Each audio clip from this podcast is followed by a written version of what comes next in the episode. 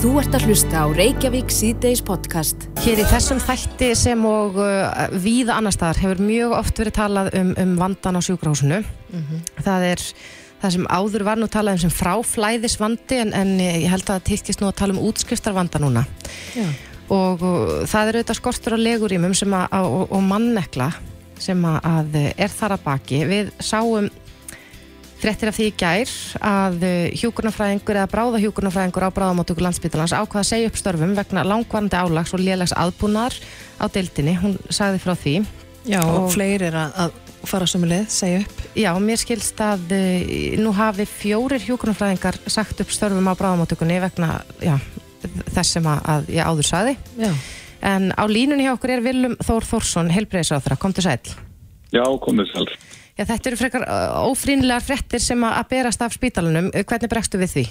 Já, þetta er auðvitað mjög þungt að heyra og, og, og við erum auðvitað alltaf að, bregðast stöðinu og í allt og mörg ár vil ég meina en auðvitað uh, er bráðamóttaka landsbyggðans þá gegnir hún alveg gríðalega veiga miklu hlutverki í okkar heilbriðiskerfi og, í raun uh, tilvísuna móttaka alls landsins þegar það kemur alvarlegum sleisum og bráðum veikindum og, og, og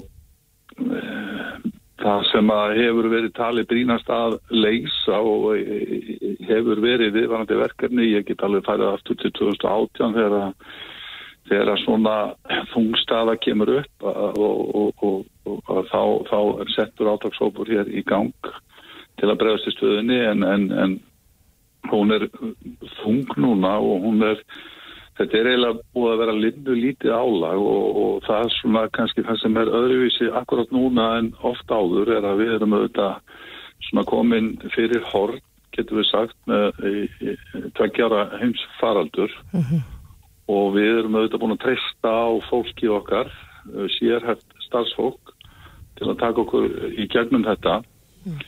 E, síðan auðvitað þegar samfélagið öðlast frelsið og fer á reyfingu og ferðamenninni fara að koma þá byrtist það meðal annars í, í, í þessu það er ekst álaga á, á bráðamóttöku. Við höfum brúðist við í gegnum þessi eh, þennan tíma með því að fjölga hjúgrunarýmum og erum með það fjármagranum næstu þrjú ár. Þannig að það er svona aðeins að losna um í því og við erum framöndan með rými. Síðan hefur og það er þá fyrir fólk sem er með færn og hilsumann sem er búið að þarf að leggjast inn eftir að hafa komið á prófa mótukvað því þið voru að ræða útskriftarvandan Akkurat. og síðan er það mannekslan og það er nú kannski um, alltaf verið að reyna að- að að finna gott starfsfólk og ráða starfsfólk en við erum auðvitað bara með allt heilbriðiskerfið undir og, og mikil samkeppnu um vinnu af þess utan það er, það er það vantar víða starfsfólk og, og spenna á vinnumarkaði en, en það losar ekki okkur undan þeirri ábyrð að vinna með stjórnendum landsbítalans að því að leysa stöðuna og, og það hefur fjölmart verið gert um, og við þurfum að gera meira af að efla heimahjókurinn. Það voru tilugur þessa átóksóps á sínum tíma, eins og ég sagði, fjölga hjúkurnarímum. Nú, erum við, nú er vantar legurými við fjármagnum 30 slík á landakoti til þess að geta flutta milli deilda þannig að, svona þetta flæði eh, verði betur, betra og það spítalinn er búin að, fara í gegnum alla ferðlægi og sér. Já. Eh, Þar vantar hins vegar að manna þannig að við getum nota 20 rými til viðbótar. Við erum að,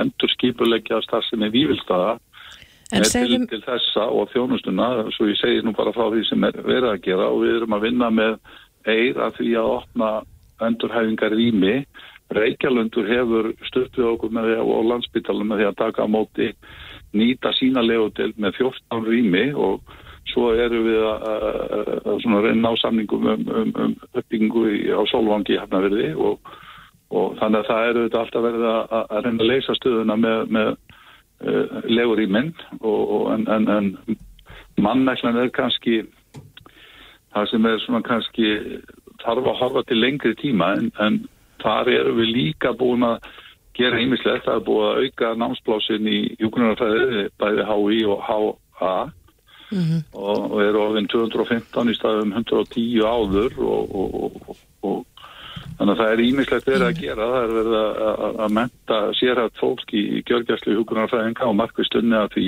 og, og það, við verðum bara að vinna þess, öllum þessum þáttum til að þetta gangi upp. þannig að það er svona Ímis atrið. Ímis atrið sem þarf að hyggja að bæði til skams og lengri tíma en, en, en það er auðvitað við horfumst í auðvitað það núna kannski sem Já. ekki höfum við staðan áður. Við erum með En hérna, mér langar að spyrja þig hérna, og að verðandi miklu álega í langan tíma og það, þurfum, þau þurfa, það þarf endurheimt og það þurfum við einhvern veginn að leysa með spítalunum. en hafið þið áhyggjur af frekari uppsögnum? Uh, uh, já, ég hef þetta greiðlega ágjör af því vegna þess að það er, það er skortur fyrir á starfsfólki og sérhæfðu starfsfólki.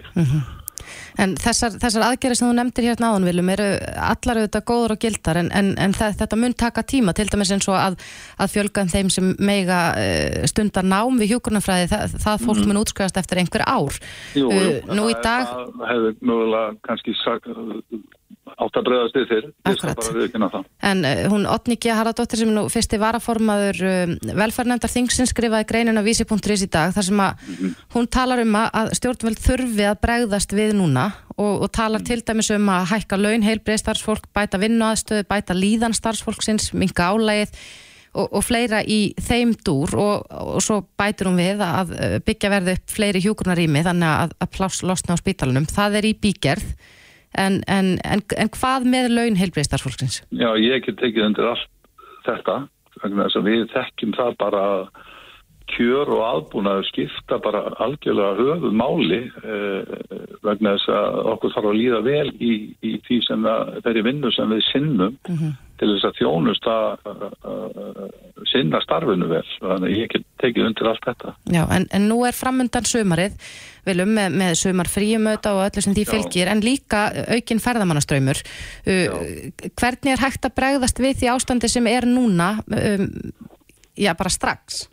Já, við erum bara strax að- vinni því að fjölga rýmum og við erum líka endurskipulegja viðstæði þannig að við getum nýtt starfsfólk inn á, landakot og nýtt rýmin og, og losa aðeins um stöðuna. Það er strax uh, og síðan verðum við auðvitað það, sko, sumarið hefur alltaf verið svolítið sérstak þegar það kemur að helbæðisjónustu vegna þess að fólki þarf frí eins og aðrir og, og endur henda starfsfólku og það er svona gengið upp með, með, með útsjónusemi og skipulagi en, en staðan er vissulega þung og auðvitað hefur maður ágjur en, en við þurfum bara að vinna það eins og alltaf í, í, í, í samstarfi við spítalan Já. og aðrar heilbriði stofnanir vegna þess að sko að því hún nefnir ferðamennina þá er, er, er mikið álega á, á, á, á bráðamótökunni eins og, og heilbriðstofnun Suðurlands og, og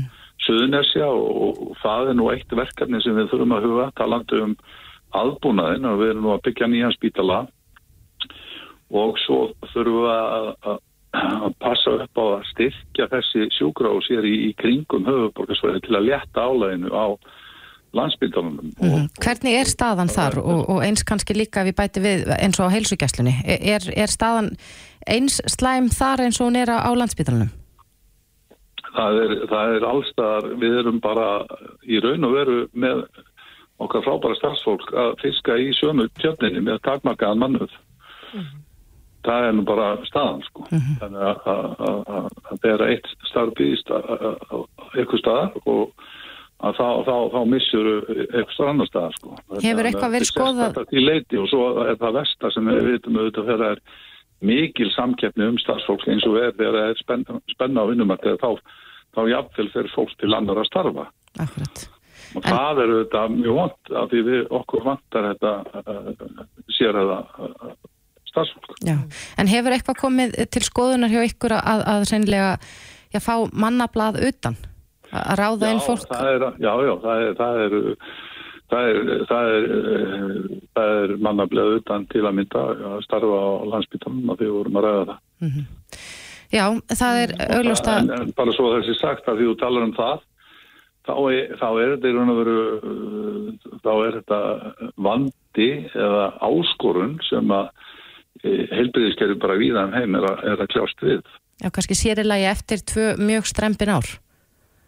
Já, og sér í lægi og þetta var nú mjög til umræðu á nýliðinu uh, þingi alþjóða helbriðismálastofnunar það er að segja með, með, með, með helbriðið starfsfólk uh, fara, farandi gegnum minna faraldur og, og huga að því að, hjálpa starfsfólkinu að endurhenda starfsfólkuna akkurat. Já, ég ætla að vona það að, við getum einn daginn ekki er bara hægt að tala um þennan útskriftavanda og Já. að, að eh, ástandi á spítalunum komist í betra horf en Viljum Þór Þórsson, þeirra, kæra þakki fyrir þetta. Já, miklu frekar, kæra þakkir Þú ert að hlusta á Reykjavík síðdeis podcast. Hér í, eh, fyrir, já, tveimur vikum síðan mm. tölu ég og Sindri Sindrason við eh, mann sem er frangóðastöru Rekus á Íslandi Já. og hann var að tala um að, að eh, Já, skrifs, að skrifstofan væri bara pínu úrælt fyrirbæri. Já. Að við höfum kannski lært það svolítið í COVID hvernig það er, er einfalt að sinna starfi sínu ekki endilega á skrifstofunni. Sk að, að vinna margra krefst ekki viðveru á uh, skrifstofu. Nei. Það eru margir sem að óska þess að geta unnið heima eða annar staðar heldur en á skrifstofunni eða vinnustæðnum. Akkurat. En nú hefur, hafa þessi mál rataðan á þing, en þingmenn viðreistnar hafa lagt fram þingsáluttuna tillögum að þingi feli Guðmundinga Guðbrandsinni, félags- og vinnumarkarsráðara, að framkvæma úttækt á tækifærum í fjárvinnu og fjárvinnu stefnu fyrir íslenskan vinnumarkað. Hún er sest einnig hjá okkur, Þorbjörg Sigriður Gunnlustóttir, þingmaður viðreistnar, kom til sæl. Sæl. Já, hvers vegna farið þið, eða leggið þið þessa þingsáluttuna tillögu fram? Sko, ég var með hugan við þetta öruglega bara eins og margir eftir COVID, mm -hmm. þar sem að hérna, maður fór allt í henni að funda heima bara við eldúsborðið e, í gegnum tölvuna. Ég fór meira í segi kjördæmavíku, ferðalega um landið við eldúsborðið. Mm -hmm. af því hérna, fólk var náttúrulega ekki, var ekki að hittast. Og hérna, ég held nú að, að veist, þessi tími eða fjárvinnan sem kannski svona Uh, ein af uh, jákvæðum afleðingum uh, sótvarnaraðgerða og, og heimsfaraldurs að það var til svona ný hugsun við vissum flest hvað hva fjárvinna var en þarna svona kynntismærinni þannig kjálfarið fór ég að skoða þetta að ég held nefnilega eftir þennan tíma varst þegar þessi nýja hugsun svona kviknaði hjá okkur mörgum að þá sé meiri vilji fyrir valfrelsi í þessum efnum. Þú veist þú nefnir hérna með tíma skrifstöðunar Uh, auðvitað á þetta alls ekki við í öllum störfum og ég held að held, hendi heldur ekki öllu fólki. Mm. og svo hendur þetta misvel eftir á hvaða kapla lífsins þú ert. Fólk sem átti lítil bleiböld elskaði ekki að vinna heima uh, og fann ekki fyrir hérna aukinni framleiðinni uh, en fyrir mjög marga er þetta spennandi valkostur og ímist að þannig að vinna heima eða bara þú hafir valfrelsið uh, um það að, að hérna þennan tíma sem þú ert í fjárvinnu hvort þú sért bókstælega að vinna að heiman eða eh, hérna kaffihúsi veist, við þekkjum sögur af startup fyrirtækjum þar sem að menn eru með skrifstofurými og bara svona ráða sín, sínum, e, sínum eigin tíma. Já. En nú hefur líka aðeins verið talað um svona neikvæður hliðnar á, á þessu, á fjárvinninni, til dæmis eins og það að, að sko mörkina milli engalífs og, og vinnunar afmást svolítið, fólk er að svara tölvupóstum kannski lengra fram á kvöldu úti því að þú ert á þinni eiginlegu skrifstofi heima hjá þér. Já, já. og, og svo hefur líka verið talað um til dæmis, eh, mér finnst þess að ég hafi lesið greinbarunum fyrir örfándöfum síðan að ja, fólk tekur síður veikind þetta ef maður er veikur og þú ert vön að vinna heima þá ertu reynilega bara að vinna veikur heima hjá þér já, já. Er þetta eitthvað sem þurft að taka inn í reikningin þegar þetta er skoðað svona heil, heilstætt? Heiklaust, uh, að því við held við sem alltaf að verja þessi mörg og þetta jafnvægi og það þjónar líka hagsmunni vinnustæðarins að ganga ekki þannig svo nærri uh, starfskraftunum að, veist, að því við þekkjum þetta líka umræðan um kulnun og allt þetta í samfélaginu en uh, þannig að það þarf auðvitað að kortleggja kosti og galla. Ég er bara þeirra skoðunar, ég held að uh, kostir þess að gefa fólki valfrelsi uh, yfirgnæfi gallana og það þurfi síðan bara að læra inn á að ég held ef maður er alveg sangjart um þetta með svona sjónamið eins og fólk sé svara uh, tölvupústum heima á kvöldin og, og hérna það hvað sko vinnutímin er ágengur inn í engalífið og fjölskyldulífið að það á alveg líka við um, um, um þau okkar sem sitjum á, á skrifstofinu allan daginn eða erum á föstum vinnustaf mm -hmm. ég myndi sjálf segja ég, ég, ég sé í hópi þeirra sem að hérna kiki á síma minn þegar hann plingar klukkan tíu kvöldin og það er tölupóstur vegna vinnunar en ég skoðaði sko Finnland í þessu sammingi að því að þar hefur þetta verið keirt bara svona sem markvis stefna uh, hins ofinbera að, að gefa fólki frelsi í þessum efnum uh, sveigjanlegur vinnutími hefur verið lögum þar frá 1996 og, uh, og, það, og, það, það er að baki eru þetta hugmyndafræðin um að koma til móts við sérstaklega ungt fjölskyldifólk á vinnumarkaði. Síðan voru uh, tóku gildi lög þar árið 2020, byrjun ást 2020 fyrir heimsfaraldur þar sem að innleitt þar voru reglur um það að allt starfsfólk þar sem við á sem væri í 100% starfslutvalli fengi að skipulegja 50% tímans sjálf. Og, það, og þetta er þá hugmyndafræðið um frelsið.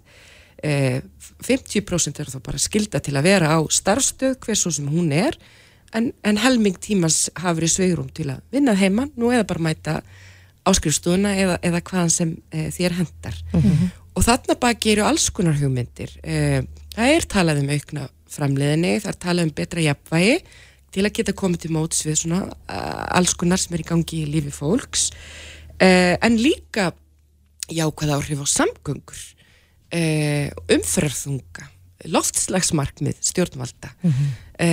Jafnvel húsnæðisvanda ef, ef það þurfi ekki að vera svona margir á skrifstofunni þá kannski er hægt að aðeins að þrengja að Það þar. hefur verið talað um það sko, ofinbyr stopnana umgjörð í Finnlandi styðji við þetta, finnar er mjög sterkir í stafrætni tækni og, og hérna, þannig að þetta er líka leiður í því að laða til sín fólk, halda í það og að því hvernig það síðan fjölskyldaðastæður breytast að því að e, staðsetning vinnunar ræður ekki úrslitum það hvort að þú vilt sinninni.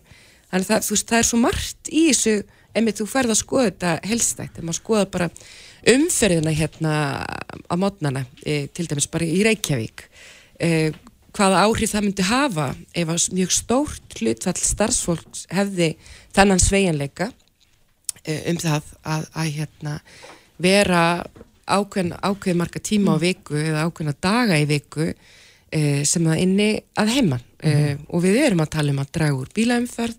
Við erum þetta með hugan við loftslagsmarkmið stjórnvalda sem eru hérna metnaðfull en þeim þarf að fylgja eitthvað. E, þessi ríkistjórn sem að e, situr núna hefur talað um það að fara í stórsókn á, á sviði nýsköpunar.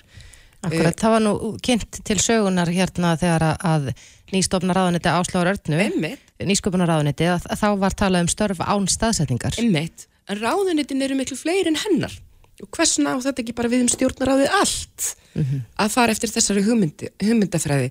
Ég held að í þessu myndi líka félast e, tækifæri, mikil tækifæri fyrir fólk búsitt á landsbyðánum að geta sótt um störf e, út fyrir e, plássið, út fyrir heimabæ.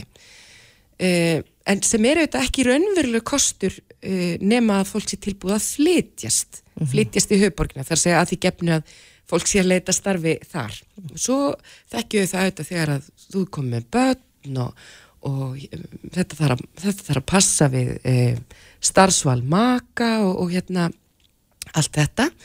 Að þá eru veist, þessi sveigjanleiki, störf án staðsetningar, fjárvinna, hvað þú vil kalla þetta, en bara þessi hugmyndafræði, eh, ég, ég held að þetta sé eitthvað sem muni koma en, en, en það er hérna, ég held að vera góður bragur á því fyrir stjórnvöld að flýta þessari þróun, fara í þessa kortlægningu, grípa þessi tækifæri og svona opnar nýjar vittir og gáttir eh, fyrir atvinnvarkaðin. Akkurat. En, en nú hafið þið lagt fram þessa þingsóndra tillögu. Uh, í hvað farveg fer þetta? Er, er líklegt að uh, þetta verði gert? Uh, sko, Nú erum við að tala við stjórnarandstöðu, þú, ég ert að, ert að fela Ég á verð honum samt að Guðmund segja að hérna, ég, ég hef náttúrulega átt að mikið almennilega á því uh, hvort, hversu líklegt það er. Hins vegar uh, hef ég fengið alveg ótrúlega jákvæð viðbröð við þessu máli. Að ég held að þetta sé, uh, þetta er náttúrulega ekki pólitist í þeirri merkingu eða flokkspólitist. Uh, fólk skilur hugmyndafræðina bara vegna þess að við erum öll nýbúin að gangi gegnum þetta. Þannig að ég ætla bara að leifa mér að vera ágætlega bjart sín. Hvort sem að þessi tillaga verður samþygt eða hérna ríkstjórnum fyrir eitthvað aðra leið í þessum efnum en ég held að þetta sé bara hluti af því sem koma skal en ég ætla að hérna, hef verið mjög duglega að tala fyrir þessu og uh, ætla að vera bjart sín á það að hérna, þetta mál fái að fara í gegn Já. í vor. Þetta er þið eflust til hagspóta fyrir mjög marga, þannig að við skulum sjá hvernig þetta fer. Eh, Þorbjörg Sigurður Gunnarsdóttir, þingmaður viðrisnar. Kæra þakki fyrir komuna. Takk. Þetta er Reykjavík C-Days podcast. Skaðamingun hefur verið uh, ansi mikið til umræðu og það er verið að tala um skaðamingun þeirra sem að glíma við vímöfna vanda. Það er ekki íkja langt síðan að við uh, rættum uh, hérna um, um þennan nefúða sem kallast naloxon og þar var verið að- að já, svona ympra á því hversu mikilvægt þetta getur verið fyrir fólk sem að, uh, er langt leitt í vímöfna vanda að, að þetta getur hrein- hreinlega verið lífsbjörg. Bjarga lífi. Akkurat. Það eru sestarinn hjá okkur Svala Jóhannesdóttir, sérfræðingur í skadamingun og Sigrún eh, Jóhannesdóttir, lögmaður. Komið Komið sælar. Herðu, mér langar nú að Því að spyrja ykkur Já. fyrir þá sem að hafa ekki hugmynd um hvað þetta þýði skada minkandi hugmyndafræði. Einmitt, Þið kannski ættu bara að byrja á því að útskýra hvað er það, þessi Já. hugmyndafræði? einmitt, stórti spurt. Mm. Skaðaminkandi hugmyndafræði byrjaði að þróast svona hérna í early 80s eins, eins og maður segir í Kanada og hérna Hollandi og Breitlandi og við vorum rosalega sein á Íslandi að taka upp þessa hugmyndafræði og nálgun varðandi fólk sem var að glíma við vímöfna vanda. En þetta snýst í rauninu bara um það að uh, að setja okkar allan fókus á neikvæðar afleðingar af vímöfna nókun. Það er að segja skaðsemina og það sem er hættulegt og áhættu samt og reyna með okkur besta megna að reyna að draga úr þessum afleðingum um, á sem mestan máta uh, án þess í rauninni að vera fókusa á nótgunna sjálfa vegna þess að við vitum út frá rannsóknum að fólk sem þróa með sér vímefnavanda og sérstaklega alvanlega vímefnavanda að það er mjög uh, svona flóki fyrirbæri og er oft tengt uh, svona flóknum sálfélagslegum þáttum og áföllum. Þannig að- markmið svona með skadamíkun er bara að reyna aðstofa fólk við að halda lífi, að lifa þennan kapla af. eh, að draga úr smitsjúkdómum og sýkingum og reyna aðstofa fólk við að viðhalda heilsu og bara mannlegri reist þótt að sé glíma við hennar vanda og við sjáum á Íslandi hafa hérna verið stopnuverkefni, ég meina þekktasta skadamíkunarverkefni er frú Ragnæðaverkefni hjá Rauðkrossunum Já. og nú er búið að opna örugt neyslurými og nú hafa öll neyðaskílin og starfseminn hjá borginni sem er að sinna þessum hóp verið innlega skadamingun og þetta er líka bara svona hugmyndafræði nálgun í hvernig við komum fram við fólk sem er að glíma við hennar vanda. Mm við komum fram við hennar virðingu og mannúð og sínum honum skilning og förum að taka skref í rauninni. Skadamingun segir við ætlum að taka skref frá þessari refsistefni og svona við ætlum að taka skref frá þessum fordómum og við ætlum að mæta bara fólki af ást og alúð. En þeir eru stopn aðlar að matthildi, Mhm. samtökum um skadamingun. Er langt síðan þið stopnið þessi samtök? Nei, við stopnum það í rauninni í apríl og hérna við erum þrjár, hans ég, Sigrún og svo einn sem heitir Elin Guðni sem komst ekki með okkur í dag eh, og hérna okkur var búið svona langi svolítið tíma að stopna þessi samtök og fá í leðinu að heiðra hana Matildi Kelly sem er hérna ótrúlega mögnuð íslensk kona sem búin að vera búsett frá tvítugt í Chicagoborg og hefur tilenga lífi sínu skadamingutu þjónustu þar og verið að vinna þar með fólki sem er heimurslaust og er að glíma við mikinn vímefnanda sjálft. En Mattildur sem sagt uh, var sjálf að glíma við mikinn vímefnavanda og heimilsleysi og hérna okkur langa svona með stopnin og samtökunum að heiðra hana og, og svona halda uppi minn hérna sögu hennar. En eh, nú langum við að snúa eins að þessu neyðarlefi, naloxón, og þetta er nefúði og, og það er ekki langt síðan að eh, nú er þessi nefúði aðgengilegur í gegnum frú Ragnæðaverkefnið, en, en þið viljið ganga lengra. Kannski að byrja því að segja eins, hvað er naloxón? Já, uh, Naloxon er í rauninni svona, hann verkar þannig að einst, ef einstaklingur uh, tekur of mikið af ópíðarlifjum eða ópíðarlif hafa áhrif á þá stöð í heilanum sem stýrir öndun. Þannig að ef teknir eru óstóri skamtar þá einfallega getur fólk hætt að anda. Mm. Þess farið öndunarstopp eða öndunarfurleika og svo hætt að anda. Og þarna, uh, það sem Naloxon gerir er að uh, honum er spreyjað upp í nefið og hann svona verkar gegn uh, þessum áhrifum þannig að einstaklingurinn hefur önduna ný og þetta bjarga þannig lífans og þetta er bara það að, að öndun stoppi náttúrulega bara rosalega tíma spursmál þannig að það er greiðlega mikilvægt að, að þessi, þetta öryggstæki sé til sem víðast þar sem einstaklingar eru í hættu ásköndun óbjóða. Er hægt að verða háður því að nota naloxon? Nei, nei, og ef við myndum sprauta núna upp í nasinnar á ykkur, þá myndi ekkert gerast. Nei. En þá spyr ég, af hverju hefur þetta ekki verið til í apotekum? Já, sko, þetta kemur á markan hérna á Íslandi 2020 og þá er, er tekið svo ákvörðan að þetta sé semst livselskilt og hugmyndin með því var svo að þá gætu einstaklingar í gegnum síðan lækni sótt um niðugreislu á lifinu, þannig að þetta þyrfti ekki að greiða semst fullt verð fyrir það. En uh, ég hugsa kannski að þetta hefur verið á- svona vanhugsað vegna þess að, að þetta er uh, þetta er gríðarlega hindrun í raun fyrir einstaklinga vegna þess að í fyrsta lagi þá þarf að panta tíma hjá lækni og býða eftir tímanum, mæta í tíman ræða þarna ástæður þess að einstaklingun óskar eftir þessum nefúða við lækni og uh, fa svo fá hann uh, nefúðan upp á skrifaðan að þá er það skráð í sjúkraskrá. Og er í rauninni svona flöggun á því að einstaklingur sé mögulega að misnota ópjóðalif sem hefur áhrif á uh, svona þarna hvernig afgriðsla livja er við þannig einstakling bara mögulega til frambúðar. Þannig að það er ekki allir tilbúinir að, að flagga sem þessum hætti.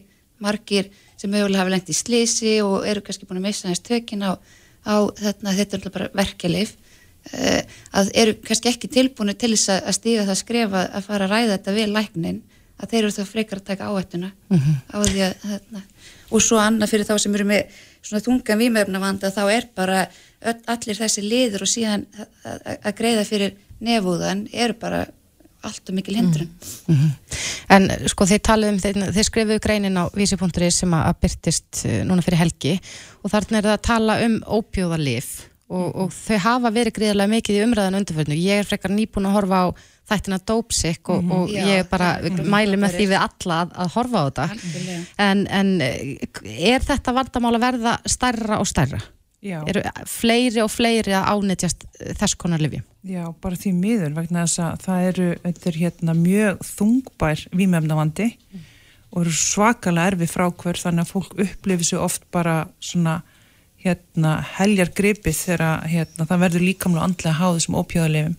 En það sem við erum að sjá á Íslandi að það er samkvæmt sko hérna viðtölum við forsvarsmenn S.O.A. og einlagnatölur þá sjáum við að það er aukning allavega á þessu ári varðandi fólk sem er að leita til meðferðir hjá S.O.A. varðandi ópjóðavanda og við sjáum það líka að stjórnendur í skadaminguna úrræðum hafa komið fram og sagt um þetta að þau eru að upplefa líka að það sé meiri nótkun og meiri ópjóðavandi í samfélaginu og þess vegna langa okkur líka mikið til þess að að skrifa þessa grein og bara vera með smá ákall til yfirvald og stjórnvald er að nú er staðan orðin þannig á Íslandi að við þurfum að koma nálöks og nefðan í almennari dreifingu. Eru þið með einhverja tölur yfir þá sem að látast að meðantali? Já, sko, þetta Já. er, alltaf, þetta er alltaf ekki alveg nákvæmlega flokkað en hérna uh, lífetengt andlát eru sérst andlát sem á reykja til eitrana, ávana og vímuefnum og stærstu hluti þeirra eru óhapa tilvik. Og hérna eða um 65% og svona til að ræða aukninguna að þá uh, voru að meðaltali 29 einstaklingar árlega að látast af völdum áskömmtunar en síðust ár hefur fjöldin hækka mikið og uh, núna árið 2020 voru þetta 37 einstaklingar sem er tvöfaldur uh, sá fjöldi sem að, til dæmis lætur lífið í umferðarslýsum hér á landi.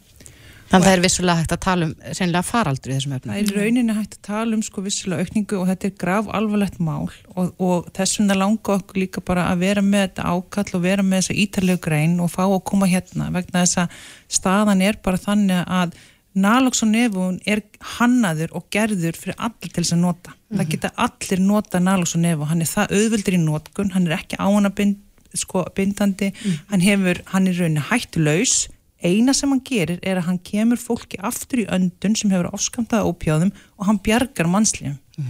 Og þess vegna finnst okkur svo mikilvægt að það eiga allir að geta farið út í apotek og þetta á að vera lausasölu lif eins og hvert annað mikilvægur öryggsbúnar Hvernig er þetta í löndunum í kringum okkur?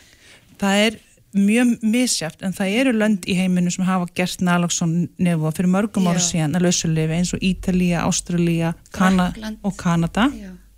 Og það sem við hins vegar sjáum á Norðurlandunum er að það er bara búið að vera í, í mörg ár gott aðgengi að naloxon nefuða sem er búið að vera að keira í gegnum öll skamingunarverkefnin og neyðaskílin og vettfangsteimi og það eru allir mörg úrræð þar búin að vera að koma sama til þess að koma nálus og nefon sem víðast. Uh, það sem skiptir svo miklu máli í þessu ef við gerum nálus og nefon að lausa sjálfu lifi að þá er það í höndum livjafræðinga í apotekinu að, sagt, að veita fræðsluna varandi sko nótkun nefúans, hvað þarf að gera því það þarf alltaf að ringi einni, tvo og fá sjúkrabíl á staðinn uh, kenna fólki hvernig óskamtunar enginni líta út uh, og með þessu erum við að draga svo mikið úr þessum þröskuldum þannig að það geta allir eins og fjölskylda, aðstandendur, vinir mm -hmm. uh, rekstrar aðilar á skemmtistöðum og börum mm -hmm. aðilar sem eru að hérna, reyka tónlistarháttíðir uh, vinir og vandam, það skiptir svo miklu máli að það geti hver sem er ef hann upplifir hann sé í nær umhverju einhvers sem getur mögulega ofskamtað að ópjóðum að því að fólk sem deyr að völdum ópjóðanótkunar er ekki endilega fólk sem er með alvarlega výmöfnavanda Nei, það er misskilningi. Hjó eftir því að, að þið segi hér í greina að það sé talið að inntaka ópjóðalifjum í tengslum við skemmtanalífið hafi aukist. Já. Er þetta að, að verða að einhvers konar lifi sem að fólk reynilega tekur bara á djamminu og, og veit ekkert endilega já, já, hvað getur gerst? Afleðingarnar. Við erum allavega að sjá bara svona, þú veist, allavega það sem er að koma að færa mjög fréttum og það sem tölur frá þessu ári sín að það er að öllum líkendum meiri nótkun á ópjáðarleifum í samfélaginu. Mm -hmm. og svo verðum við bara alltaf að hafa í huga að þegar að geð og andli heilsa landsmanna vestnar þá eikstu výmöfnavandi að því výmöfnavandi tengist einhverjum annars konar undirleikandi vanda. Þannig að uh, það skiptir máli að, að hérna að við reynum að draga verulega úr þessum þröskuldum sem eru af til að nálgast þetta lífsbjörgandi lif Akkurat. Eru þið bjart sínar á það að, að Já, já að þið fáið þetta í gegna yfirvöld muni, muni hlusta á þetta ákall Já, það er náttúrulega búið að vera að tala þessu máli núni í nokkur ár já. við erum ekki þær fyrstu sem erum að stiga fram og tala um Nei, hversu mikilvægt það er Hvenar kemur þetta í ljósa? Hvort þetta afið án, hvort þetta verði? Já, það er svo sem er erfitt að svara því en sko hérna Sara sem var núna þingi fyrir Píratana hún sendi inn fyrirspurt til heilbísrára varðandi hvort að það kæmi mjögulega til greina að gera Nálsson nefn aðlausa sér lifi mm -hmm. og ásamt nokkur um öðrum spurningum bara til þess að kanna mm -hmm. uh, og í rauninni að sína fram á að núverandi regluverk það er ekki að ná að skila þeim árangri sem Uh, við þurfum og erum að vonast eftir að við þurfum að nálus og nefu og sé meira í almenni dreifingu í samfélaginu svo við náum í alvörun að draga úr þessum fjölda fólks og ári sem er að látast. Mm -hmm. Já, það uh, verður forvetnilegt að sjá hvort að þessu, að, hvort að þessu ákalli verður svarað. En við þökkum ykkur kærlega fyrir komuna Já, Svala og Sigrun, kæra þakkir Þetta er Reykjavík C-Days podcast Það er mikið búið að tala um eh, já, fordóma hins eginn börnum og ungmennum við heyrðum hér í henni Tóttlu Sæmundsdóttur í bítinu í morgun mhm. -huh. og, og já það má eiginlega segja það sko byrtist grein á stundinni hérna fyrir helgi mhm. -huh. þar sem er verið að tala um eh, já, livja meðferðir og eh, já, livja meðferðir vegna kyn ama eins og orðað er þarna og Það hefur líka vakið miklu aðtegli að, að ummæli sem að hann Björn Hjálmarsson yfirleiknir á Bögl eh, létt hafa eftir sér þarna og talaði um að við værum öll í myrkri aktivism á fákunóttu. Hann hefur enda beðist afsökunar þessum ummælum í kjölfærið á, á þessu viðtali en, en eh, verið er að segja frá því að í Svíþjóð er verið að breytum stefnu í þessum öfnum að mm -hmm. hvort að börn og ungmenni fari í, í slíka lifjameðferð. Uh, okkur leikur fórhaldin að vita sko hvert er þrætu eppli og hvert, Já, hvert og stefnir þetta allt? Hvert er þessu umræðilega að fara? Akkurat. Það er svolítið mikið út um allt. Hún er sest einna hjá okkur, Bjardís Helga Tómasdóttir, starfandi formaður samtakana 78, kom til sæl. Velkomin. Já, takk alveg fyrir. Já, kannski byrjum á því. Nú hefur þetta verið gríðarlega mikið til umræður síðustu daga og, og maður hefur lesið allskynns hræðilega sögur af, af því hvernig, hvernig börn upplifa þetta. Um, upplefa þá umræðinu? Í upplefa umræðinu, já, börn sem, sko, hvernig transbörn upplefa þessa umræðu. Og um, já, það var viðtal hérna á Rúf um daginn uh, þar sem að var talað um að þetta gætir hennilega valdið varlega um skada fyrir börn sem tilhæri þessum hópi. Já, um, það er náttúrulega mjög mikilvægt að vanda vel hvernig svona umræða fyrir fram. Og, og hérna þessi grein í stundinum kannski ekki að mínu viti besta dæmið um vandað umræðu er reynd alls ekki. Það sem að ímislegt í þessari grein sem bara stannst ekki skoðun.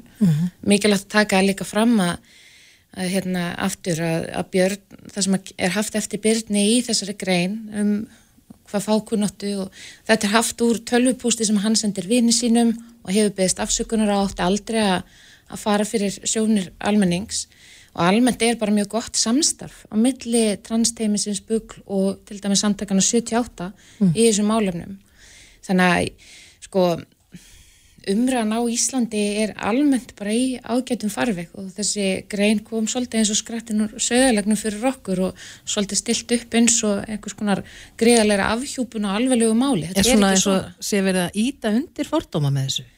Já, ég ætla nú kannski ekki endilega að tjá mig um það en, en eitthvað var þetta ekki gaglegasta greinin, sko. En þarna er svolítið verið að tala um að, að það séu önnur lönd sem eru einhvern veginn að, að fara í aðra átt. Já, það er kannski ekki átt sem að við viljum hvort þið er verið að eldast við. Mm -hmm. Satt að segja. Og við höfum talað um það líka og hefur verið talað um það síðustu daga. Það hefur verið bakslægi málefnum hins eginn fólks sem að e, eins og á að til að gerast í allir réttindabartu og við ætlum ekki að vera eldast í það. E, Transteimið okkar hérna er að vinna mjög gott og faglegt starf. Mm. Í gerðkveldi var að mitt viðtali kastljósunu við e, Uglu Stefáníu okkar og hérna fyrir forman Trans Íslands mm. og hérna Ragnar hjá barnaspítalunum, innkessla lækni og það er alveg skýrt að þetta er vandastarf það er, hérna, er ekkit verið að, að gera eitthvað út í bláin eins og það er svolítið sett upp í þessari frétti svo að það verið að taka einhverja áhættu með líf og helsu fólks, reynd ekki Nei. þetta eru lífsbjörgir fyrir þessa krakka e, þannig að hérna já En uh, já, nú hafa þessi, eins og ég hef nú sagt hérna ára, að þetta hefur verið mikið til umræðu. Uh, hvernig finnst ykkur samt svona umræðan almennt í samfélaginu og, og eru viðhorf, viðhorf fólks að breytast? Er, er samfélagið að verða svona opnara fyrir uh, transbörnum og, og, og málefnum hins eginn fólks? Samfélagið eru auðvitað opnara en það var áður. En við megum samt ekki sopna verðinum að því að þessi neikvæð og erfið viðhorf fara kannski svolítið svona, hérna, svona undir yfirborinu núna. Það er ekki beint út. Og það er þetta öðráriti sem að hins eginn fólk verður fyrir í, í daglegu lífi sem við þurfum svolítið að vera á varbergi með og svo eins og þegar það er umræða eins og þessi að þá þurfum við að hafa í huga að það eru, það eru börn og aðstandendur sem að hérna, það eru afleggingar fyrir þau, þetta er erfið umræða mm -hmm. þetta er umræða sem að vekur óta hjá þeim, að staðan er nógu erfið nú þegar mér langar að taka hérna sérstaklega fram að, að, hérna, það, að samtíkju 78 er mér aðgjáð þjónustu sem hægt er að leita til mm -hmm. og um, e, já. Er stór hluti sem að kemur til ykkar hverju ári? Ég held að ráðgjáð tímanir fyrir að hafa verið vel yfir 500 mm -hmm. Er það þá, er það börnin sjálf eða, eða aðstandendur þeirra? Það er bæði. Það er bæði. Bara börn, bara fullari fólk líka. Akkurat. Já, bara hins segir fólk og aðstandendur, já. Og ásum þar held ég sex veikna byggðu núna eftir áðgjöf. Eftir áðgjöf. Mm. Mm -hmm. Skortir ykkur starfsfólk og, og jafnvel fjármagn til þess að geta fjármagn? fjármagn. Mm -hmm. Aðalega.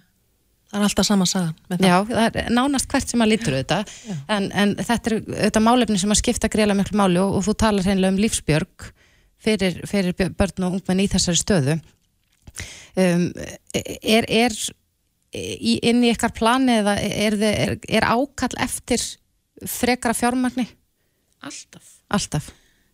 Alltaf. Uh, frá ríki og borg og, og svo náttúrulega erum við líka með regnbóðvinni núna. Fólk getur reynilega að fara inn á samtökinn 78.is og gerst regnbóðvinnir mm. og styrt samtökinn mánaðlega um einhverju upphæð. Það, hefur, það kemur á mjög góðum nótum. Mm -hmm. ja. En þessi meðferð sem að er verið að tala um í greinin hjá stundinni um, er eitthvað sem að bendir til þess að hún sé ekki æskileg fyrir börn og ungminni? Nei, reynd ekki. Það stendur þetta þessi áhættu samar meðferðir. Eru þar það?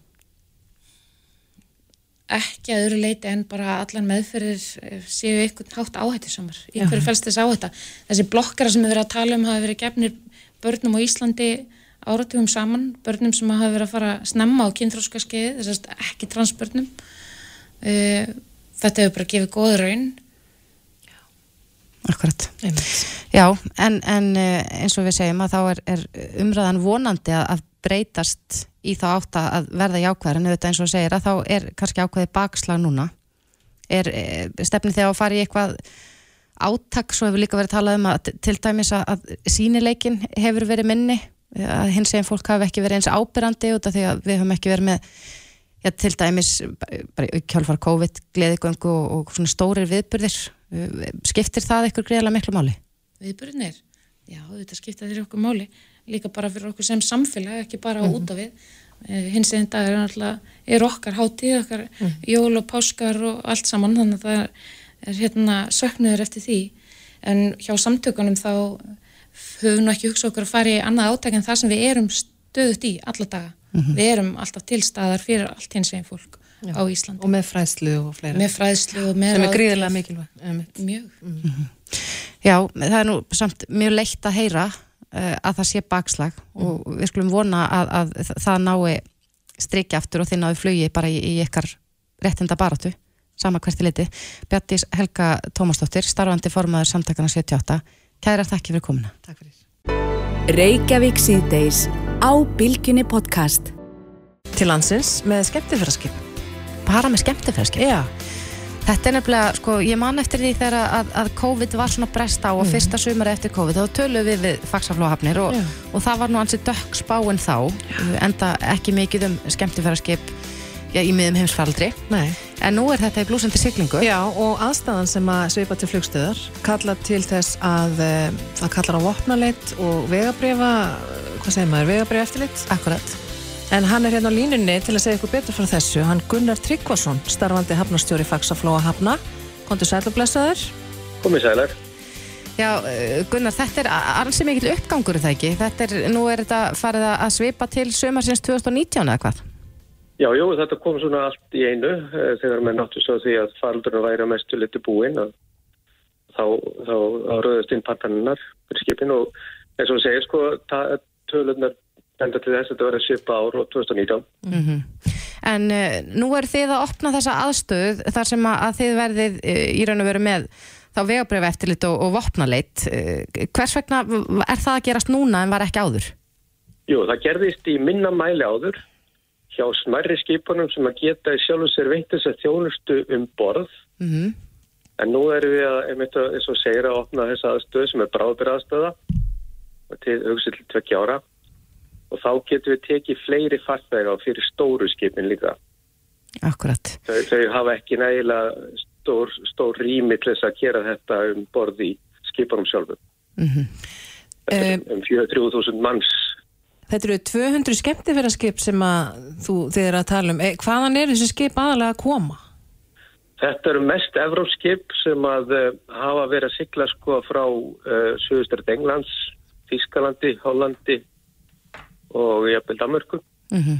En, en núna koma þau sem sagt uh, hingað og farþegarskiptir fara fram hér. Þannig að þau verða hérna megnuð úr sömrinu og er ekki að sigla mikil lengur heldur koma farþegarnir sá með flugi og fara með flugi. Og hversu marga farþegar, hversu marga farþegar erum við að tala um? Ef þetta eru 200 skip, Þá er sko rýmið um borð er cirka þá 200.000, það er jafnaði rétt um 1000, rúmlega 1000 í hverju skipi, þess að þetta er rýmið um borð. Eh, Þau allra stæðstu er þó með 1000, með 3000 manna rými, en, eh, en svo er ekki, við vitum sjálfur sér ekki nýtingarhlutvalli hjá þeim fyrir enn í lokvertíðar sko, þegar þeir eru búin að skila öllum gjöldum og, og, og við reknum með að þetta sé eitthvað undir 200.000 manns núna, en, en þetta náði ná 200.000 manns 2019. Já, en þessi, þessi yðnaður, nú eru skemmti fyrir að skipin að koma hinga til lands, þetta var í mikill uppsiklingu hérna fyrir COVID. Búist þið við því að til dæmis á næsta ári að skipin verði fleiri og að þetta, þessi yðnaður munur reynilega að fara stækkandi hér á landi? Já, við búumstu því að við sjáum það eiginlega í pöntunatörnum fyrir næsta ár. En eru þið þá alveg að ná að sinna þessu? Náum við ekki þólmörkum og rúmlega það þegar á líður?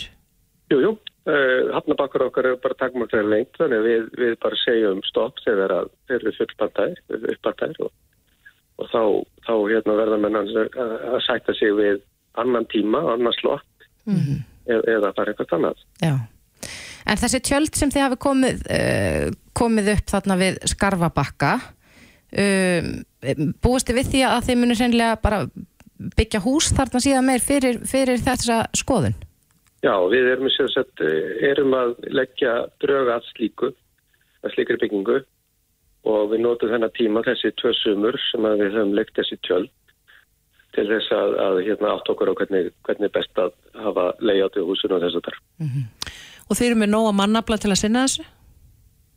Uh, já, við leiðjum hann að mestu leiti frá örgisfyrirtækjum og, og en einhverju leiti gerum við þetta sjálf. En, en nú þekki ég ekki alveg sko, hvernig þessir ferðamenn hegða sér. Eru, eru flestir sem að koma með þessum skipum að fara í land og, og eigða einhverjum tíma til dæmis bara hérna í höfuborgina eða jafnvel í kringum höfuborgina? Já, sko, vennulega hinga til hafa komið hérna bara í, í, í dagsheimsóknir sem sagt koma snemma á mótni og fara að setja á kvöldi og, og fólkið um borð fyrir einhverja ferðir, oft í rútuferðir gullna ringin hérna eða eitthvað slíkt Mm eða, eða, eða vagnum borgina, þeim eru sjálfsagt sett að, sett að, að hérna ápna það. Og sama er raun og í hinum höfnum landsins, þessi skip ganga af ringin bara á Grundafjörð og Ísafjörð og Akureyri og, og verði alltaf hver fatt að ver, verð þá einum degi þar hver. En nú breytist þetta hvað okkur varðar að einhverju leiti að, að hér koma þeir farþegarnir bara deginum áður eða, tveimundum áður það er undir hún komum með hvað flýjan kemur og, og, og býr til sína einn ferð úr þessu sko. Akkurat. Þannig að það er greiðlega mikill ávinningur af þessum ferðamennum líka. Ekki Já, bara þeim sem að koma hérna og dvelja lengri tíma. Alveg hár rétt. Það eru meiri áhenningar af þessum ferðamannum heldur en þeim sem að koma bara í dags heimsókn. Mm Er ekki mikill spenningur fyrir þessu hjá ykkur hjá fagsaflóðöfnum? Jú, jú, við, og við fögnum öllum svona breytingum og allir svona, eh, já, svona þróun á þessum geira, sko. Sérstaklega ef hann verið til ávinnings fyrir, fyrir samfélagi. Já. Já. Markvöldunar áhrifin, gríðaleg. Já, já. Er, er, þarna, er þið búin að, að, að taka þetta í gagnið? Já, þetta var sem sagt kert í fyrsta skipti í gær fyrir uh, lítil farþegarskipti, skulum Mhm. segja. En núna held ég bara í næstu viku kemur fyrsta skipur með um 2000 manns. Já. Hvenar er svona aðal tímin? Er það júni, júli, ágúst? Já, já, já, þetta, aðaltímin er bara að byrja núna. Að byrja núna. Spennandi. Í þessum tölugum orðum, sko. Já. Já, við óskum ykkur bara góðs gengis. Gunnar Tryggvason, starfandi hafnastjóri fagsaflóðhafna. Kæra þakki fyrir þetta. Takk fyrir. Takk ykkur. Reykjavík síðdeis á Bilginni podcast.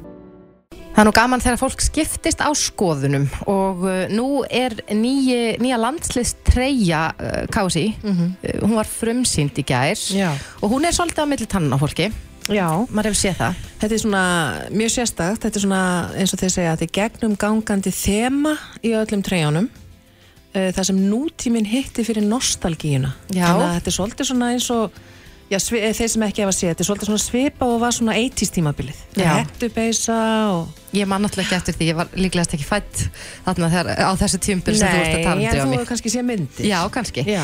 En, en við erum forvitnar að vita hvað, hvað uh, já, okkar helsta tísku sérfræðingi finnst um þetta. Hann er sestur hjá okkur, Gunni Hilmarsson, fatahennur, kontur sæl. Hæ, gaman að sjá okkur, gaman að sjá okkur. Já, þetta er, er treyja, hún er eins og segir hérna á vísi.is tiltölulega látlaus, ljósblá með dökkbláum ílöngum fleti sem næri við merkið en mörgum þykir of lítið hafa verið lagt í hönnunna og hún einkennist af metnaðarleysi. Já, Hver er þín skoðun? sko, Íslendingar eru æðisli þjóð og það er held ég sko, það sem við höfum mest skoðanir á í öllu, fyrir utan pólitík kannski, er Eurovision, Mm flugfregi og flugliðabúningar og sen er það búningar íslenska landslinsins fótbolta. Já. Þetta eru svona stóru málin þegar allt er gert upp, sko. Ég man nú eftir því að það var mikið talað um þegar að það var byrt hérna að það sem er leitið út svona eins og eh, hálfgerst skjaldamerki, landvættirnir, og þetta það er var ekki- rosalega mikið og rætt um þetta er í það. rauninni sko ég held að sko svona síðustu fjóri búningar hjá landsliðinu ég held að allir nema einn hafi svona fengið eiginlega fyrir eitthvað óvagna gaggrinni þess að byrja með. Mhm. en síðan hefur sko hafa þessi búningar yfirleitt verið teknir í sátt vegna þess að annarkort hafa stelpurnar eða strákarnir verið að standa sig, sig svo vel að fólk hefur svona orðið ástfangið af búningunum út af árangrinum Já, svo er þetta líka greiðlega mikil söluvara. Ég Já, er allir, já, er allir sko- úlingar landsins eh, komnir í þetta eftir heldur betur, heldur Já, betur að veist og hérna það er náttúrulega stóra málið í þessu. En sko mér þykir alveg útrúlega leiðilegt að að alla tala svona frekar illa um þetta en þess að ég er náttúrulega bæði sko svakalegu fótboltafamaður og íslenskan landsliður bæði sko kvenna og herra og sérstaklega kvenna upp á síkastið gefið okkur alveg ómælda gleði. En þessi búningu finnst mér Já, alveg við skulum aðeins hérna beina augum hérna af, hvernig, ok, við lýsum búningnum hérna, eru mynd af þeim. Já, hann er eiginlega bara, þú veist, hann er bara blár og síðan kemur sko einhver smá rauður litur hérna í kraganum og púmamerkin eru ábyrrandi sem kemur ein blá lína þar sem að nýja merki sem að mér er alltaf fundið sljótt Já, er staðsett síðan á brjóstinu. Já. Og þetta er ég sammála því sem Það er að ekkert annað í gangi á þessum búning. Nei, og sammála því sem að, sem að Þortís var að segja. Hann er, hann er svo hafið svona þetta er svona einhver grunn hugmynd en ekki klárið út að það er svo, Já. þetta er svo mikið tækifæri að fá að hanna svona búning og mér er þetta alltaf langt til þess að gera þetta persónulega. Mhm. og mér sé að baðir, ég, ég bauð mig eins og fram við KSI Mhm. til þess að gera þetta og sendiði mér sér tillögur Já, En, en og þá var orðið að seint í, í þeim fasa ok, næst, er þetta ekki að tveggjara fresti? Jú, það þá voruð með samning við RA en nú er það náttúrulega samning, samning við Puma sem er náttúrulega risastór týst fyrirtæki og þetta er alltaf þessi fyrirtæki, þarna er bara hluti gerðir innan og það er engin hérna nafngreindur hönnuður á, á bakvið þessa búninga, þetta er bara einhvers konar deild sem að er bara hérna, þetta er bara eitt af þeirra verkefnum Já. sko. en þetta er bara, mér finnst þetta bara veist, út af því að það er svo mikið af flottum landslýsbúningum í gangi og það er svo mikið í gangi í hönnun á landslýsbúningum almennt, það eru litur og það eru munstur og yfirleitt þegar að kynnt og þá er kynnt aðalbúningur og varabúningur og allt kittið Já. og allt svoleiðis. Og við skoðum síðan bara kynninguna hjá KSI og KSI hafa verið svona frekar vandræðalegi gegnum tíðina með allt þetta til dæmis er engin kona enn á ný Nei, hérna, mér skilst reyndar þeim til varnar að það eigi að kynna nýjan búning fyrir EM kvenna 13. í sumar. þannig að það, er, það verður einhver önnur treyja. Já, ok, vonandi verður það bara geggjað. Ný treyja er kynnt en, já, 13. júni Já, en bara, ég veit ekki hversu margir sem eru að hlusta hafa séð myndirnar sko, en, en eh, sko, ef, þú- ef við skoðum bara sem sagt, hérna, frétta tilkynninguna og þetta er vantarlega verið einhver, ég veit ekki hvað það var frétta fundur í gær, en þetta er bara þú veist, einhver gulur bakgrunnur og þetta er svona, þetta er bara frekar svona típ hvernig þetta er sett fram Mhm. Þú hefðir viljað sjá meira svona Já, ég Aðeins bara að svona vilja betri setja umgjörð. Já, og þegar þú ert að lánsa eitthvað sem að er þú veist, sem stendur þjóðinni svona nærri eins og landslýstreyjurnar hefur gert það í gegnum tíðina það á þetta bara að vera betra veist, Ég skil ekki alveg, hérna, ég er að horfa á þessa mynd hérna, ég skil ekki alveg máli með sko, eru þeir í hettupeysu undir Já, ætli það sé, ætli það sé Já, nostalgjan sem þú Já, þú- ég held að það sé. sko, Mér sýnist þið vera að draga fram svona þetta 80s, svona, hvað var að segja, verbúðarvæp Já, og hérna með því að setja hettupeysur í stíliseringu undir en ég menna þeir eru aldrei að fara að spila í hettupeysum Nei. landsleiki sko er þeir að lappa þá inn völlin erlendis í hettupeysunum Ég þannig vantilega að vera að sína fram á notkun, Já. þú veist, skiluru svona casual notkun á, á degi og kannski vera að höfða til yngri Já, en þú veist, þessi treyja er bara ekki þú veist, hún er einhvern veginn ekki glæsileg sko. nei Ég verð að segja að við fyrstu sín þegar ég leit, leit á dáðan Mhm. þá held ég að þetta væri bara stuttarmöbul mm -hmm. Það er svolítið segja þau textanum að þetta sé þinnsta treyja eða eitthvað sem Já. hefur verið gerð Hérna stendur að þetta sé framlegt úr sérstöku efni sem gerir hann af léttustu og þægilegustu keppnistreyju sem Puma hefur framlegt hvorki meira en minna. Þannig að það er eitthvað lagt í þetta. Já, þetta er auðvitað eitthvað nýtt efni sem Já. þeir eru að kynna sko. Það verður gaman að fá að, að skoða hana en, en svona meða við sko landslýstreyjur sem eru almennt í gangi núna sem að eru bara, þú veist, bara hvert hérna flotta hönnunarverkefni Já, bara listaverkið og fætur, já, já. og veist, og, og, og það er verið að hugsa um heilstæða línur, það er verið að tala um sko, þú veist eins og segja, aðalbúning, varabúning, það er verið að tala um uppbytunabúninga, það eru Mhm. aðra treyjur, það eru úlpur, sokkar og, og hérna, buksur og stuttbuksur og allt þetta, þarna sínaði bara treyju í staðan fyrir að sína allt. Og frá, svona hönnunarlega að sé frá, frá mér, já þegar að maður kynir línur, þá þarf það að vera línan, þú veist, það er ekki, er ekki bara treyjan. Því að treyjunni fylgir svo margt annað. Og kannski hefur þetta verið, ég veit ekki hvort það hefur ekki verið tilbúið eða eitthvað stress en ég veit ekki, það var enginn að býða eftir þessi sjálfur sér, þetta er bara að kynna þetta, þetta tilbúið. Já, Þannig að Ætla mér þessi finnst munur á milli, milli merkja? Sem sagt, eru, eru Adidas að standa sér betur heldur en Puma eða Nike eða Nei, ég hvað sem meina það er. Adidas, Nike og Puma eru náttúrulega og Reebok eru náttúrulega þessi stæðstu, þessi risa merki og Puma er risa, risa fyrirtæki og ætti að bara, ætti að gera þetta. Og Puma með sinn metnað í þessu sem, sem risastór alltíðulegu sölu af svona búningum og hönnun hefðu náttúrulega átt að stjórna þessu sjálf betur. Akkurat. Veistu til dæmis fyrir hvern uh, Nike og Adidas er þeirra hanna fyrir, veistu hvað um, fyrir hvaða lið? Nei, ég man það nú ekki beint sko en öll þessi stóru lið eru með, Puma er ekki með mikið af þessum stóru liðum Nei. þú veist þessi svona hérna þú veist stæðstu landsliðin eru, eru hjá stærri merkjunum en Puma er alveg eitt af þessum stóru en Já. þeir eru ekki þeir, ekki einn stórir og Nike og Adidas í þessum merchandising. En það eru svona búningar sem hafa verið sem hafa vakið mikla aðtegli eins og Nike með hérna og búningin til dæmis sem var alveg geggjaður. Mhm. þá er verið að leika sem er grafík í, í efninu og lit og alls konar pælingar sem eru svo skemmtilega sko. Þetta er kannski of einfalt. Þetta er bara of einfalt og mér finnst þetta bara svo hugmynd sem að var ekki einhvern veginn full unnin eða einhvern veginn bara svona gerð af, af svolítlu metnaðaleysi, ég verð að segja þess, ég elska landsliðin okkar og, og guð mig góður hvað er að hafa gefið okkur hérna góða tíma í gegnum tíðina og við býðum spennt eftir, eftir Já. með stelpunum sko Já, ég lakka til að sjá Já. það. En ég verð nú samt að segja svona, ég held að þegar maður sér strákana að spila, þá held ég að þessi búningur er eftir að vinna svolítið á. Já, ætla Ég, ég vona það, Einfaldleikin- hinnir hafa gert það en, og það er líka, það er þessi skrítna þú veist, ættjarðar ást Já, sem að mhm. byrtist þegar íslenskan landsliði vinnur leikangustar og þeir eru komnir í búningana þá líður ekkert eins og síðan ljótum búningum Nei, sko. nei. Þú veist, það er svona, skilur við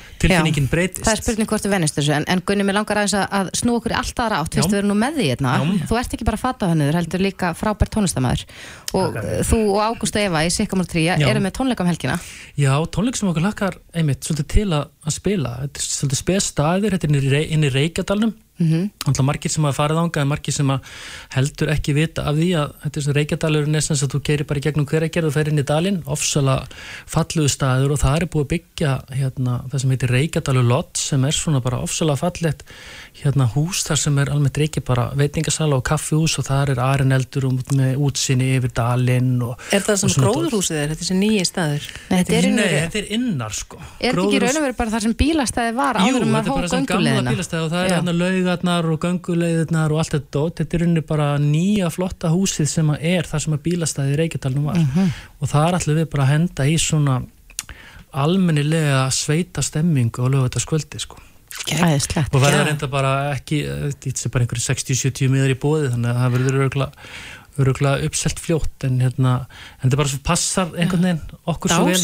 Já, já, sem, Ég var líka dásamað um daginn, ég, ég fór í helgaferð e, í hveragerði með vinkonum mínum um daginn Já. og bara því lík sæla. Já. Það margt að gerast þar og, og gróðurhúsið og, hérna, það hótel og matar hérna, frábæra pítsur og, og svo er matkráin og, það það er endalasta mat og, og gistingu og, og Já, ég held að þetta sé líka það sem er að gerast eins og fyrir sko, veist, við okkur Íslendingar sem viljum vera að ferðast, veist, út fyrir Mhm. Reykjavík, veist, það er svona þú veist, það er svo mikil uppbygging allstaðar, sko Við þurfum nú ekki að fara langt hérðan úr Reykjavík til að fara einmitt í sveita. Nei, nei, þetta er bara 25 myndur Já. 25 myndur hérna úr Reykjavík á Og lögutaskvöldi það henda vel ykkar tónlist, smá country í þessu. Já, þetta er fullkomið fyrir Já. okkar tónlist og með okkur verður Ómar Guðjónsson sem er svona einn af okkar bestu mönnum, hann er við bara Já.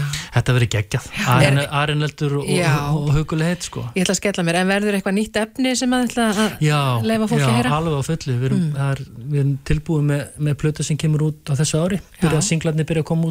mm. núna í júli eða ágúst.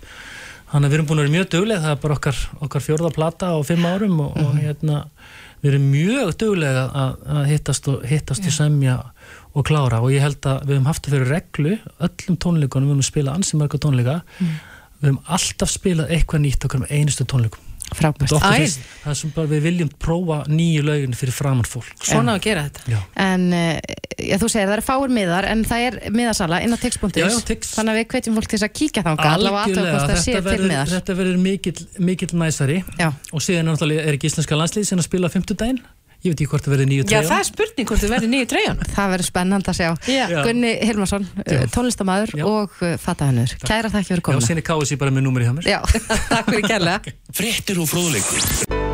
Hlustaðu hvena sem er á Reykjavík C-Days podcast